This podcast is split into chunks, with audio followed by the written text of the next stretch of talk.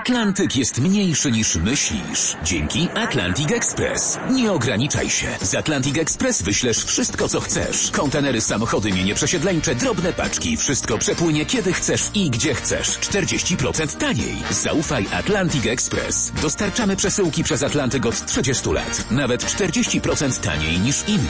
Dzwoń 1 800 775 73 63. Ekspresowo przez Atlantyk. Tylko z Atlantic Express.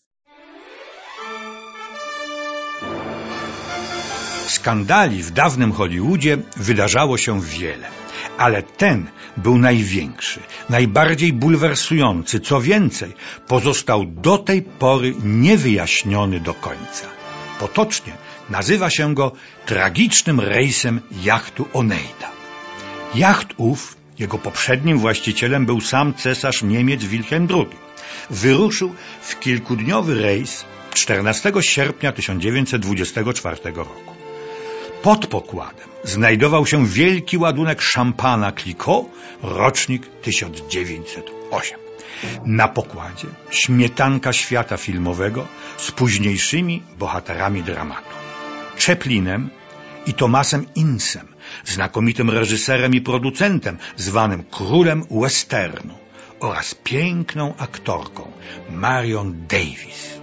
Główną rolę zagrał jednak potężny, wszechwładny i bezwzględny magnat prasowy William Randolph Hearst.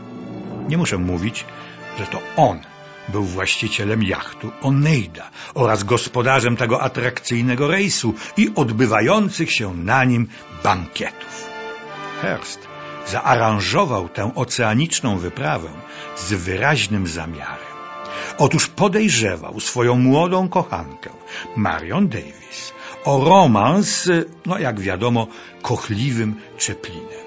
Stworzył im dogodną sytuację po to, by się rozprawić z konkurentem. Słowo wyjaśnienia, kim była właściwie Marion Davis, Hearst zobaczył ją po raz pierwszy, kiedy występowała jako statystka na scenie nowojorskiego teatru Globe w spektaklu Królowa Zgrabna, jasnowłosa, błękitno oka oczarowała Hearsta bez reszty. On miał wtedy lat 56, ona 17. Postanowił z niej zrobić niewielką, ale największą gwiazdę Hollywoodu. Powołał do życia firmę Cosmopolitan Pictures, która produkowała wyłącznie filmy z nią. Zatrudniał dla niej najlepszych scenarzystów, reżyserów i operatorów. Marion Davis miała talent, który ujawniał się najpełniej w komediach. Hearst jednak widział ją jedynie w rolach kruchych, niewinnych panien. Filmy z nią przynosiły horrendalne straty, ale Hearst pokrywał je bez zmrużenia oka. W ciągu kilku lat wyniosły one 7 milionów dolarów. To nie były rzecz jasna jedyne wydatki Hearsta dla swej wybranki. Żyła w luksusie.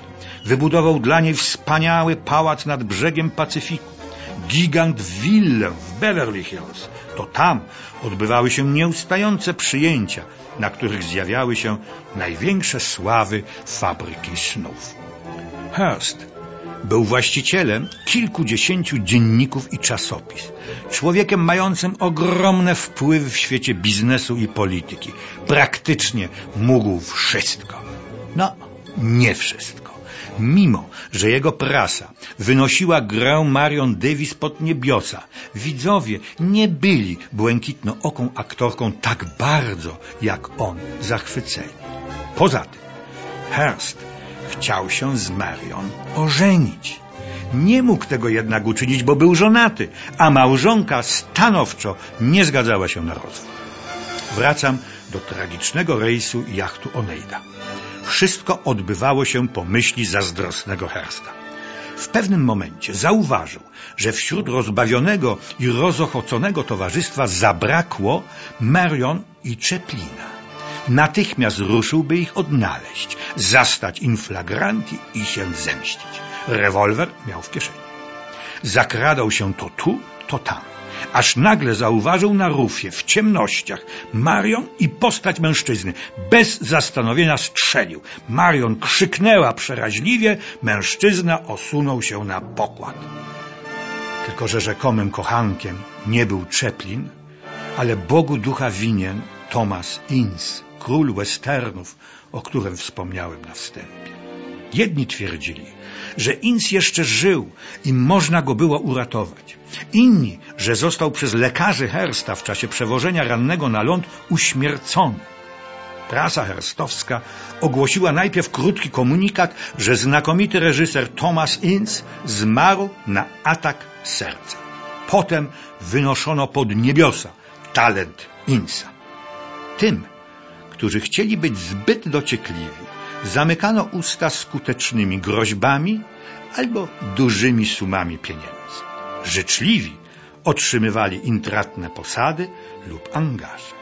Na konto wdowy po Tomasie Insie wpłynęła zapomoga w wysokości miliona dolarów od anonimowego przyjaciela jej męża.